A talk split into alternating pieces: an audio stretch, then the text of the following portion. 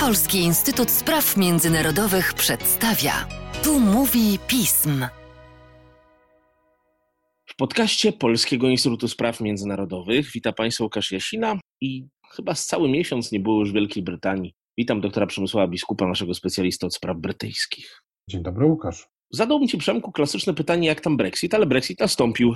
Nastąpił oczywiście już dawno temu de jure, de facto dopiero niedawno. Zmagamy się z jego skutkami i chyba jednym z tych skutków jest konflikt między Unią Europejską a Wielką Brytanią związany z kwestiami szczepionkowymi. Ci z Państwa, którzy zapamiętują różne obco brzmiące słowa, takie jak Pfizer czy Moderna, na pewno też zapamiętali AstraZeneca.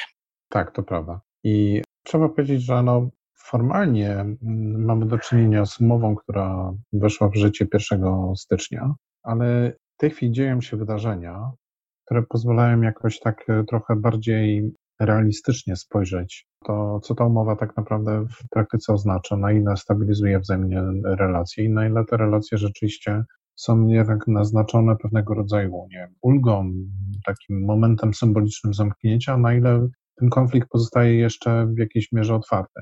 No i kwestia producenta szczepionek brytyjsko-szwedzkiego, AstraZeneca, tutaj pokazuje, że chyba do końca dobrze nie jest i to na kilka różnych sposobów. Jakie to są sposoby, Przemku? Poza oczywiście tym, że AstraZeneca ładnie się wyłgała jak na razie z zobowiązań wobec Unii Europejskiej dzięki dobrym prawnikom. No więc po pierwsze mamy do czynienia z takim dla Unii Europejskiej, dla instytucji centralnych Unii Europejskiej bardzo nieprzyjemnym zestawieniem ewidentnego sukcesu szczepionkowego Wielkiej Brytanii. Ja przypomnijmy, że generalnie przed uruchomieniem procesu szczepienia Wielka Brytania na pozostałych polach związanych z COVID-em radziła sobie raczej słabo i właściwie do, do, do dzisiaj radzi sobie sam słabo. Jako pierwsze państwo w Europie przekroczyło 100 tysięcy śmierci na przykład i ciągle jest bardzo wysoki wskaźnik zachorowań. Natomiast same szczepienia okazały się ogromnym sukcesem i okazały się ogromnym sukcesem e, z kilku powodów. Po pierwsze, Wielka Brytania bardzo wcześnie zainwestowała w to, po drugie, zrobiła to bardzo konsekwentnie. Rząd brytyjski zakontraktował duże ilości szczepionek u praktycznie wszystkich producentów tychże szczepionek na Zachodzie, którzy rokowali jakiekolwiek szanse powodzenia. Tam obstawiono bodajże siedem preparatów.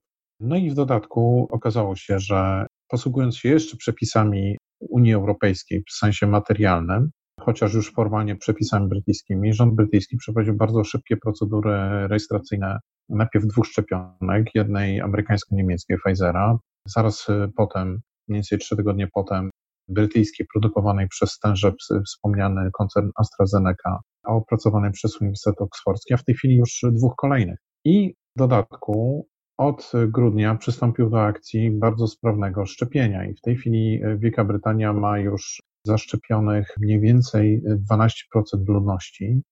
To jest wskaźnik dla wielkich państw czy dużych państw praktycznie niespotykany.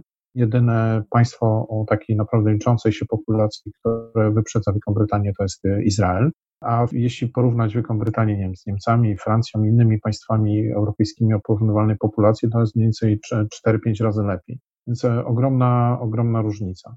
To jest pierwsze pole takie, na którym Unia Europejska słabo wypadła. E, drugie jest, można powiedzieć, prawno-logistyczne, to znaczy program e, zakupu szczepionek realizowany na zlecenie państw członkowskich przez Komisję Europejską był sporo opóźniony. Kluczowe umowy podpisywano dopiero późnym latem czy jesienią, a nie na wiosnę, tak jak Brytyjczycy. Po drugie, ten program nie był tak szeroko, nie przedstawiał taki, takiego szerokiego wyboru szczepionek, co oznacza, że teraz, kiedy już wiemy, które z nich się udały, jest dużo bardziej podatny na opóźnienia produkcyjne tych konkretnych preparatów, które zakontraktowano.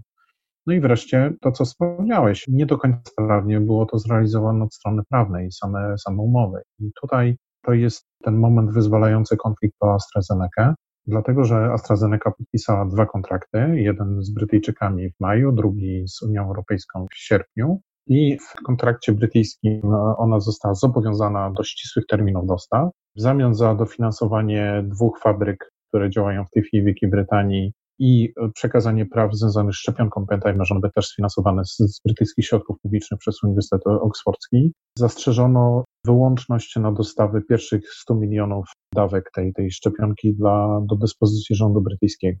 Jak porównamy z tym, co znalazło się w kontrakcie europejskim, to widzimy, że tam nie było żadnych twardych zapisów, tylko wyłącznie zapisy o tak zwanych najlepszych rozsądnych wysiłkach, best reasonable efforts.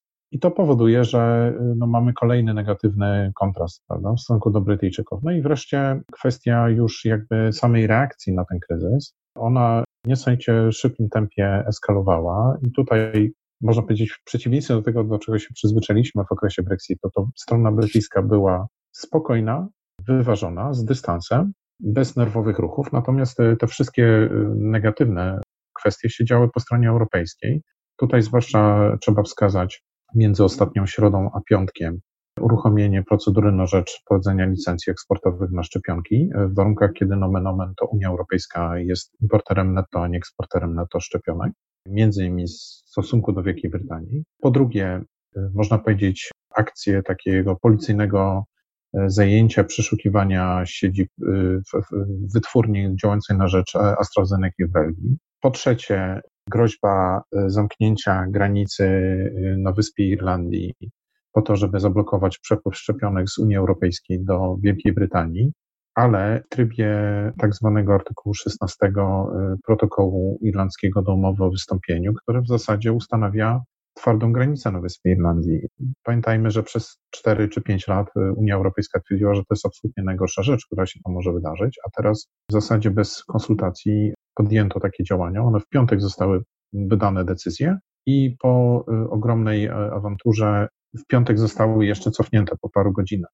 No i właśnie, i ostatnia rzecz to ta awantura, która ilustruje też e, bardzo duży chaos polityczny, informacyjny po stronie europejskiej, zwłaszcza Komisji Europejskiej, bo zdajmy sobie sprawę, że decyzja o, o tej blokadzie granicy na Wyspie Irlandii nie była notyfikowana z wyprzedzeniem rządowi brytyjskiemu, nie była również notyfikowana rządowi irlandzkiemu, który oczywiście jest tym bardzo zainteresowany, ani co gorsza, jak się wydaje, reakcji nie była notyfikowana przez szefową komisji Maroszowi Szewczowiczowi, jej, jednemu z jej zastępców, który odpowiada za negocjacje brytyjsko-unijno-brytyjskie w Komisji Europejskiej. I była to decyzja, od której dosyć publicznie odciął się zarówno Michel Barnier, główny negocjator do niedawna z Wielką Brytanią, jak i szefowa dyrekcji handlu, czyli można powiedzieć jedna z najważniejszych osób, jeżeli chodzi o relacje handlowe, Sabine Weyand.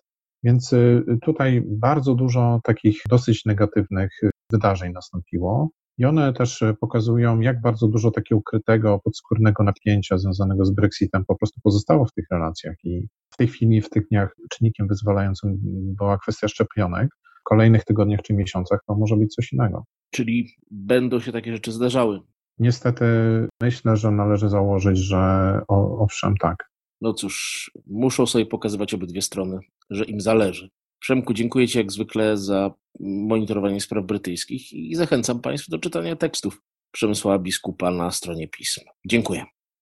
Dziękuję.